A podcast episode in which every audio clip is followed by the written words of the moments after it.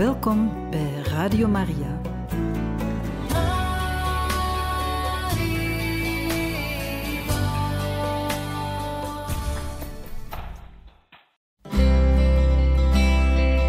Welkom bij Boekat, een programma van Radio Maria.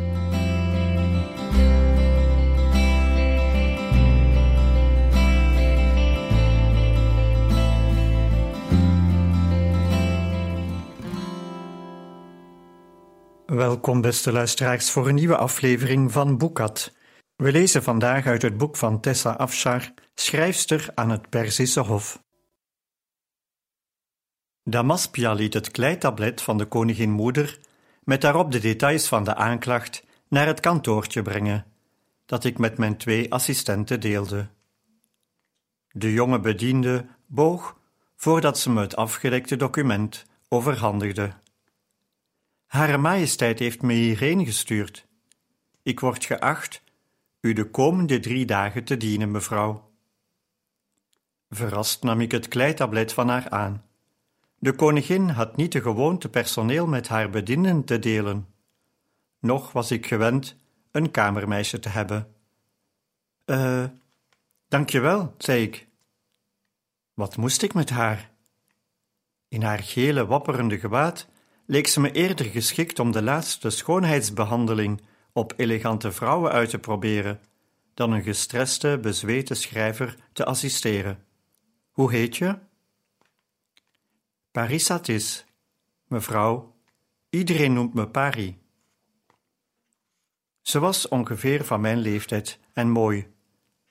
Haar lange ledematen en slanke nek maakte dat ze op een veulen leek als ze bewoog.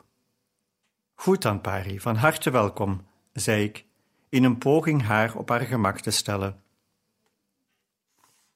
Na een ongemakkelijke stilte wist ik een taak voor haar te bedenken. Ik schreef iets op een stukje perkament, gaf het haar en instrueerde haar naar mijn vaders werkkamer te gaan, diep in de gewelven van Persepolis. Haar ogen lichten op.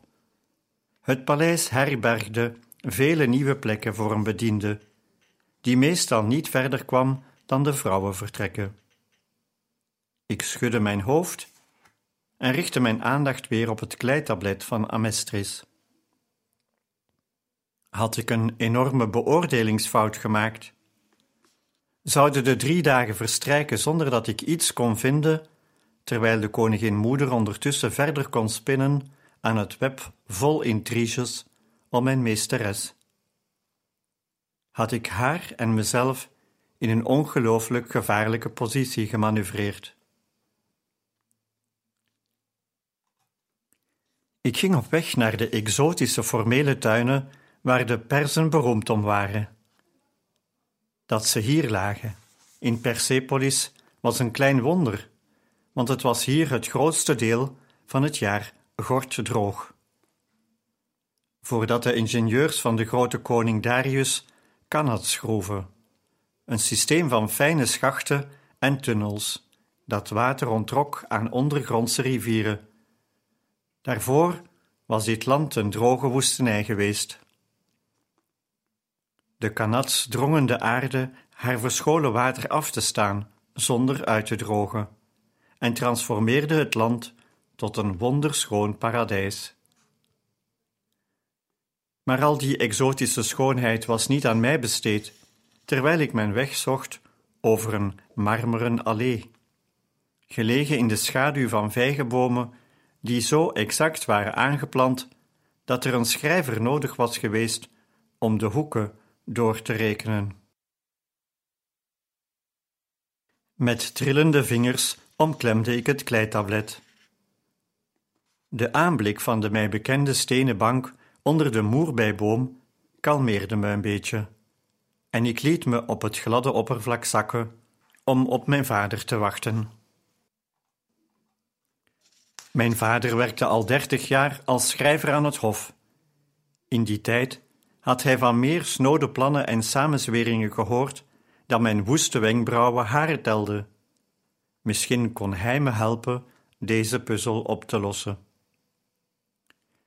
Nu ons werk ons verbond, brachten we meer tijd in elkaars gezelschap door dan toen we nog hetzelfde huis deelden. We waren collega's en vonden daarin iets gemeenschappelijks. Dankzij mijn roeping was ik er eindelijk in geslaagd mijn vaders waardering te oogsten. Ik zag hem in de verte op me toelopen en stond op om hem te begroeten. We leken op elkaar. In meer dan één opzicht. Zijn steile zwarte haar, zijn donkere ogen, zijn gedrongen statuur, ze kwamen stuk voor stuk terug in mijn uiterlijk. En dat pakte bij een vrouw nog minder gunstig uit dan bij een man. Ik vermoedde dat hij me nooit helemaal had vergeven, dat ik meer op hem leek dan op mijn moeder, die volgens iedereen die haar had gekend een opvallend mooie vrouw was. Toen ze stierf, nam ze een deel van mijn vaders hart met zich mee. Sinds wanneer heb jij een bediende? vroeg hij, na me begroet te hebben. Sinds vandaag. En het genoegen duurt maar drie dagen. Hij fronste terwijl hij plaatsnam. Een tijdelijke bediende en een dringend verzoek je vader midden op een werkdag te spreken. Klinkt belangrijk. Ik schetste mijn dilemma. Waarom ben je hierbij betrokken geraakt? Met een geïrriteerd gebaar liet hij een hand door zijn haar glijden. Dit is waanzin. Je had nooit iets mogen zeggen tegen de koningin.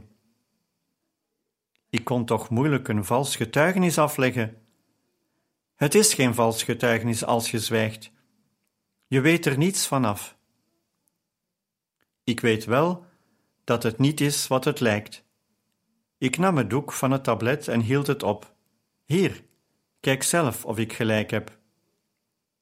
Mijn vader pakte het tablet met enige tegenzin aan en hield het dicht onder zijn neus. De jaren waren niet mild geweest voor zijn ogen. Ik vroeg me af wat ik ging doen als hij zei dat mijn conclusie flauwekul was. De huid op mijn borst begon intens te jeuken, een reactie op acute zenuwen die ik de afgelopen jaren had ontwikkeld.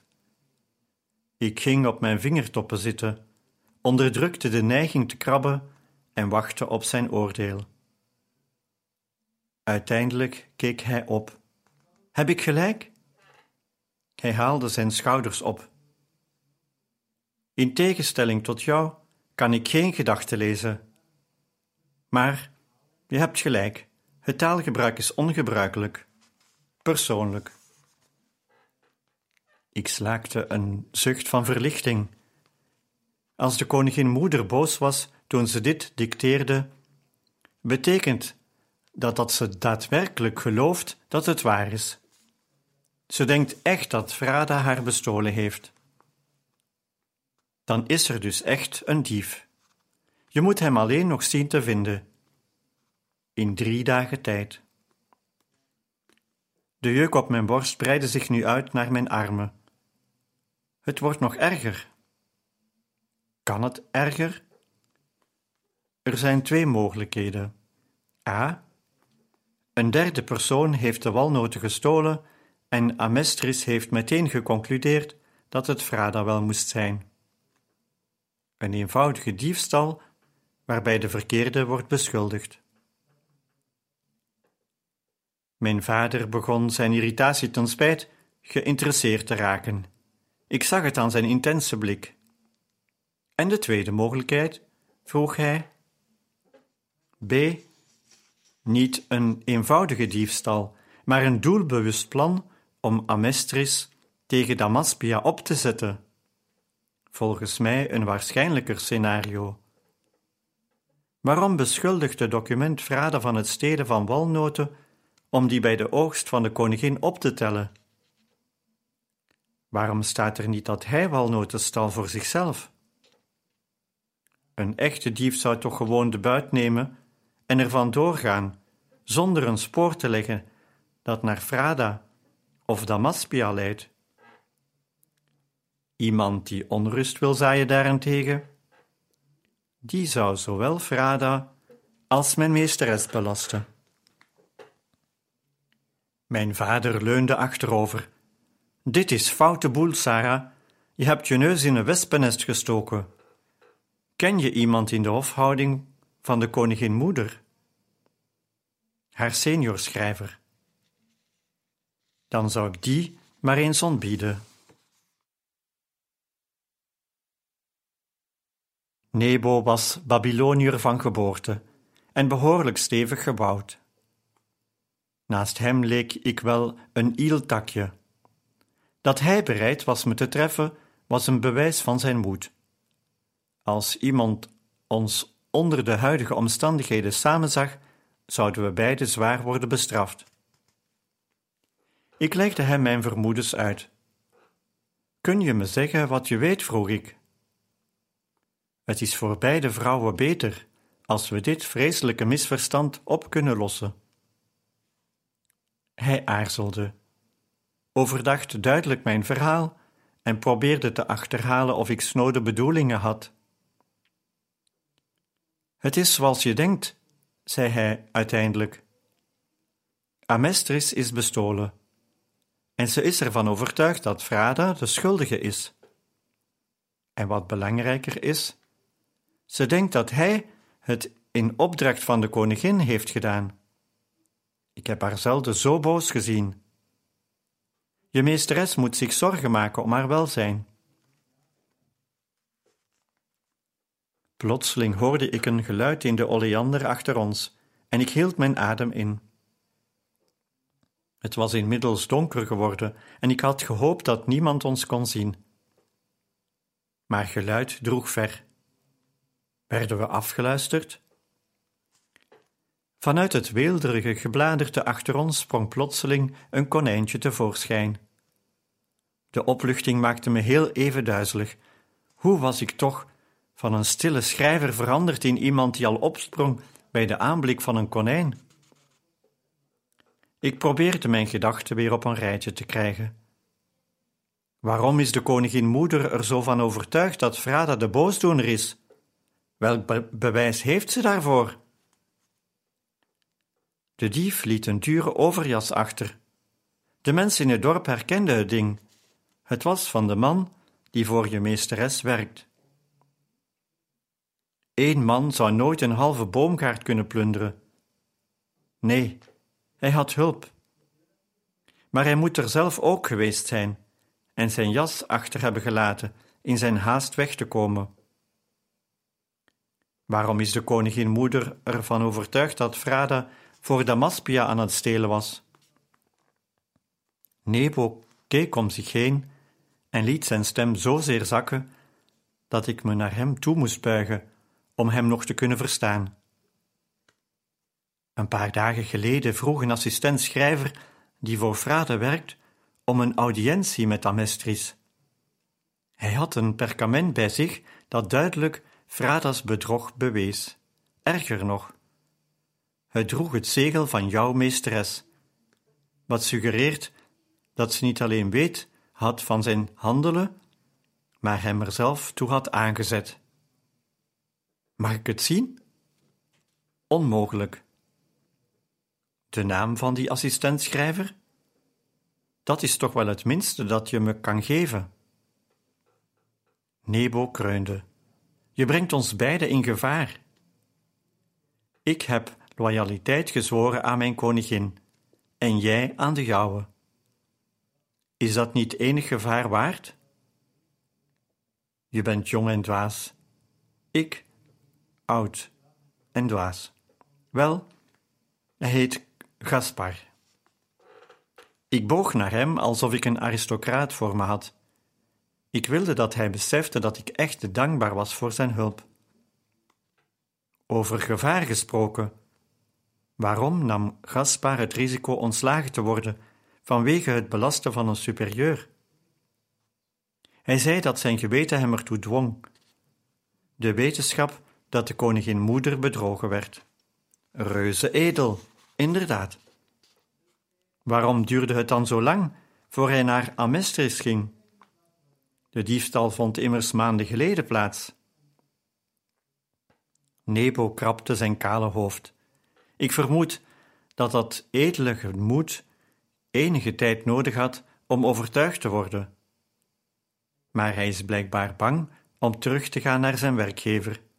Hij is niet teruggekeerd op zijn post en hangt ergens in de stad rond. En voor je het vraagt, nee, ik weet niet waar. Dat slaat nergens op. Frada is niet het type man dat je moet vrezen. Waarom zou iemand een goed betaalde baan opgeven voordat iemand zelfs maar gesuggereerd heeft dat je ontslagen gaat worden? Ik nam afscheid van Nebo met nog meer zorgen dan, voordien. Dan voordien. Dit mysterie leek steeds ingewikkelder te worden. Ik wist zeker dat mijn meesteres haar zegel niet aan een dergelijk document had verbonden. Ik moest Frada dringend spreken, maar het zou meer tijd kosten om hem te laten komen dan ik nu had. Ik besloot dat ik er genoegen mee moest nemen hem een boodschap te sturen. En ondertussen wilde ik die jongen met dat edele geweten Gaspar vinden.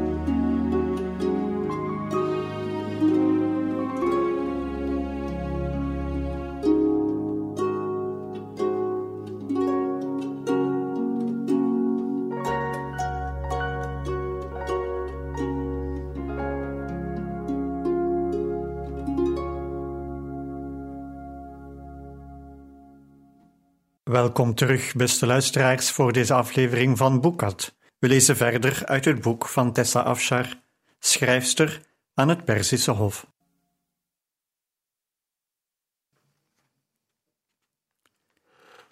Het was ver na etenstijd toen ik een van de boodschappers van de koningin vond en hem een brief aan Frada toevertrouwde. Ik drukte hem op het hart dat het urgent was. De snelheid van Perzische koeriers was legendarisch. De Achaemenidische koningen leken gedurende hun hele heerschappij op de hoogte te zijn van elke belangrijke gebeurtenis, en wel bijna op het moment dat het gebeurde. Hun geheim was gedeeltelijk de snelheid van hun boodschappers. Maar zelfs die legendarische spoed was wellicht niet genoeg om mij op tijd antwoorden te bezorgen. Het was een vreselijk inspannende dag geweest, maar ik was te opgewonden om te kunnen slapen. Mijn rommelende maag herinnerde me eraan dat ik sinds het ontbijt niet meer had gegeten. Ik ging op weg naar de personeelskeuken in de vrouwenvleugel, in de wetenschap dat de keuze op dat moment van de dag niet geweldig zou zijn. Ik vond een stuk lavashbrood en wat schapenkaas. In de kruidentuin zocht ik er munt bij en rolde mijn brood op met de kaas en de munt. Ik ging naast een dragonstruik zitten en kauwde bedachtzaam op mijn brood. De geur van munt en dragon vulde de lucht. Mijn wereld was ogenschijnlijk helemaal in orde. Mijn geest wist wel beter. Ik vroeg me af wat er zou gebeuren als ik de antwoorden op dit raadsel niet op tijd kon vinden. Ik wist dat mijn vader het ergste vreesde, dat ik mijn leven in gevaar had gebracht door betrokken te raken bij een politiek intrige. Maar ik besefte dat ik daar eigenlijk niet zo bang voor was. Damaspia was geen gewelddadige vrouw, noch iemand die geneigd was bedienden te doden die haar hadden teleurgesteld. Ze kon iemand wel met opvallende besluitvaardigheid vele rangen degraderen. Of ze stuurde mensen die haar niet langer bevielen gewoon weg, zoals bij mijn voorganger was gebeurd. Het idee van een dergelijke publieke beschaming deed de rillingen over mijn rug lopen. De gedachte dat ik er niet in zou slagen haar goedkeuring weg te dragen, dat ik er niet in zou slagen te doen wat van mij gevraagd was, was genoeg om mij in een hoopje zenuwen te doen veranderen. Het gewicht van een mogelijke mislukking drukte loodzwaar op mijn schouders. Met een zucht trok ik me terug in mijn smalle kamer, zonder ramen. Mijn drie kamergenoten sliepen al toen ik binnenkwam. Een onhandige, maar veel voorkomende gebeurtenis, want ik moest mijn matras nog uitrollen en zou hen ongetwijfeld en zou hen ongetwijfeld weer wekken met de herrie die dat maakte. Maar tot mijn verrassing was mijn bed al helemaal opgemaakt. Aan de voet van het matras lag mijn tijdelijke bediende Pari te slapen. Fluisterend bedankte ik haar en kroop onder de frisse lakens. Ze had ergens sinaasappelbloesem-aroma vandaan weten te halen en had mijn beddengoed ermee geparfumeerd. Ik bedacht dat ik moeiteloos zou kunnen wennen aan een eigen bediende, en het duurde niet lang voor ik in een diepe, droomloze slaap wegzakte.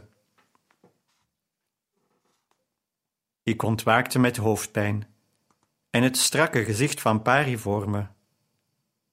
U bent in moeilijkheden, meesteres, zei ze afkeurend.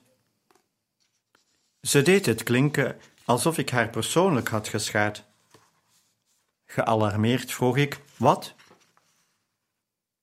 De kok zegt dat u gisteravond zonder toestemming eten hebt gepakt. Ik zuchtte opgelucht. Is dat alles? Ik gaapte en strekte een hand uit naar mijn tuniek, die ik elke avond aan de voet van mijn matras achterliet.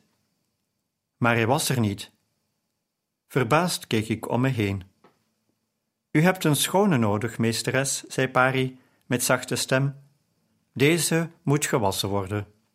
Dat is niet nodig. Van achter haar rug toverde ze het kledingstuk tevoorschijn. Ik zal het u laten zien. Dit zijn zweetvlekken, ziet u? Dit is een opgedroogde korst eten van twee dagen oud. Ik herken de saus van het avondeten. En dit, vermoed ik, is gewoon vuil van het op de grond zitten. Het klonk alsof het idee alleen al haar choqueerde. Oh, dat had ik niet gezien. Pari was te beleefd om het te berispen. Waar bewaart u de schone? Ik liet haar de kist zien met daarin al mijn aardse bezittingen. Ze rommelde er een tijdje in en overhandigde me toen een lange witte katoenen tuniek. Ik geneerde me te zeer om mijn bediende te zeggen dat het ding vreselijk strak zat en wurmde me erin als een worst in een vel. Pari zuchtte bij de aanblik en liep weg om mijn kleren te gaan wassen. Ik vond een sjaal die ik kuis om mijn schouders wikkelde en ging naar mijn kantoor. Ik legde het kleitablet voor me op tafel, ging zitten en tuurde ernaar, in een poging meer aanwijzingen te vinden. Kon ik Damaspia maar overtuigen me iets meer tijd te geven? Kon ik maar die Gaspar vinden en hem dwingen de waarheid te spreken? Kon Frada maar vertellen waar het perkament vandaan kwam met het zegel van de koningin erop? Geweldig. Mijn leven stond op het spel vanwege een hele reeks. Och, kon maar. Een van de twee mannen die voor mij werkte, zat aan het kleine bureau tegenover me en bestudeerde een stuk perkament. Hij rolde het uit en zei tegen me: Ik snap deze betalingen niet, die aan de koninklijke archieven zijn gedaan. De koninklijke archieven, natuurlijk. Elke financiële transactie van en naar het koninklijk hof werd al sinds jaar en dag nauwgezet vastgelegd.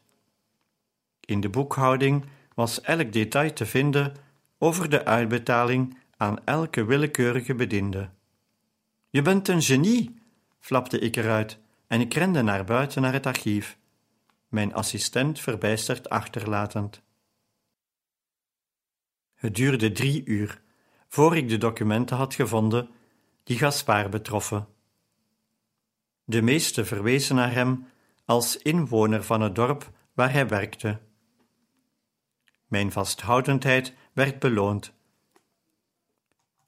Want een van de oudste documenten leverde details op over de woonplaats van zijn ouders. Ze woonden gelukkig niet ver buiten de paleismuren. Hoewel Persepolis technisch gezien een uitgestrekte verzameling was van paleizen, tuinen en paviljoenen en het administratieve centrum vormde van het Perzische Rijk, werd het omgeven door een stad en meerdere dorpen, die als paddenstoelen uit de grond waren geschoten, om plaats te bieden aan de duizenden die op een of andere manier voor het paleis werkten. De naam Persepolis sloeg op al die onderdelen: hoofdstad, paleis, jachtdomeinen, binnenstad, het geweldigste bouwwerk dat de wereld ooit had aanschouwd. Ik besloot Pari mee te nemen in de hoop dat de aanwezigheid van een bediende mijn verschijning wat officiëler zou maken.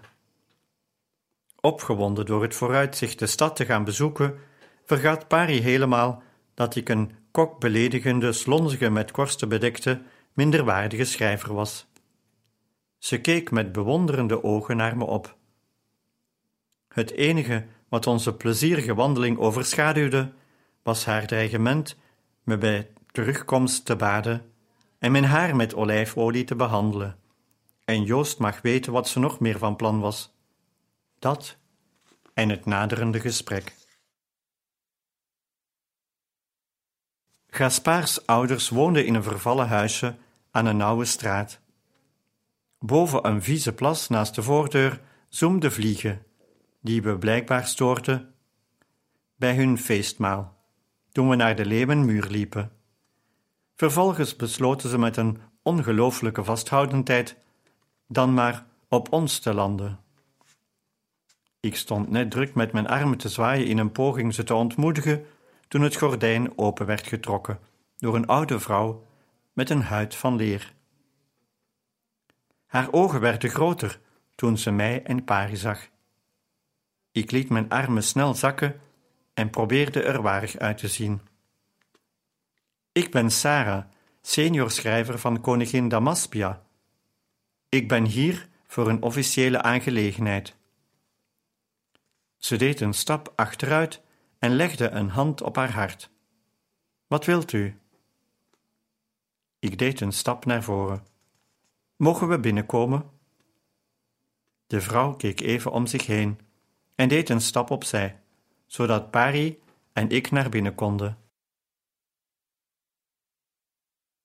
Na het felle zonlicht buiten was het binnen te donker om echt iets te kunnen onderscheiden. Ik wachtte beleefd tot de vrouw ons verzocht plaats te nemen. Dat verzoek kwam niet. Ik ben op zoek naar Gaspar, zei ik zonder omhaal. Ik heb een paar vragen voor hem. Ze haalde haar schouders op. Ik weet niet waar hij is. Ik wist zeker dat ze loog. Het is voor zijn eigen bestwil dat hij met me praat, drong ik aan. Ze haalde opnieuw haar smalle schouders op. Mijn ogen waren uiteindelijk aan het duister gewend, en ik keek om me heen. De aardevloer was niet bedekt, de leme muren niet geschilderd.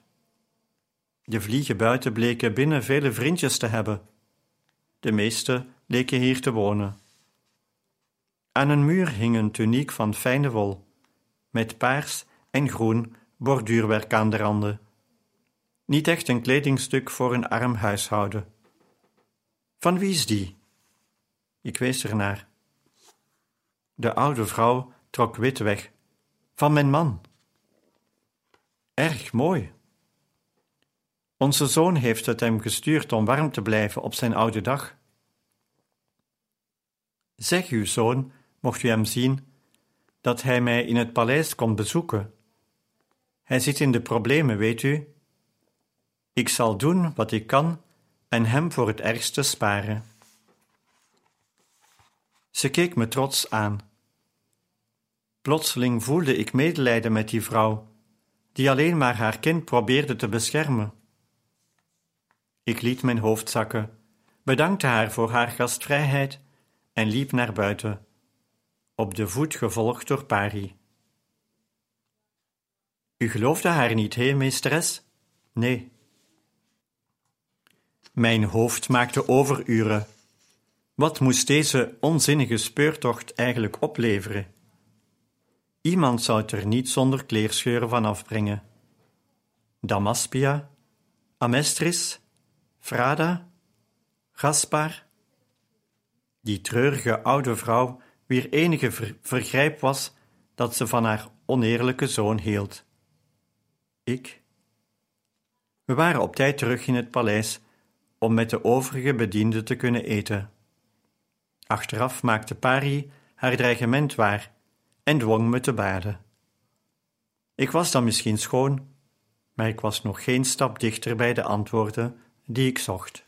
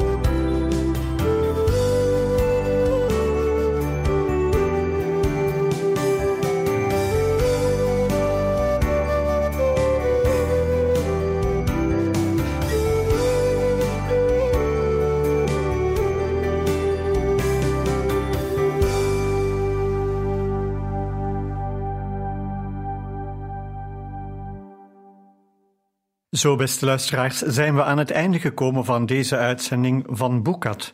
Morgen zijn we terug met het vervolg van het boek Schrijfster aan het Perzische Hof van Tessa Afshar.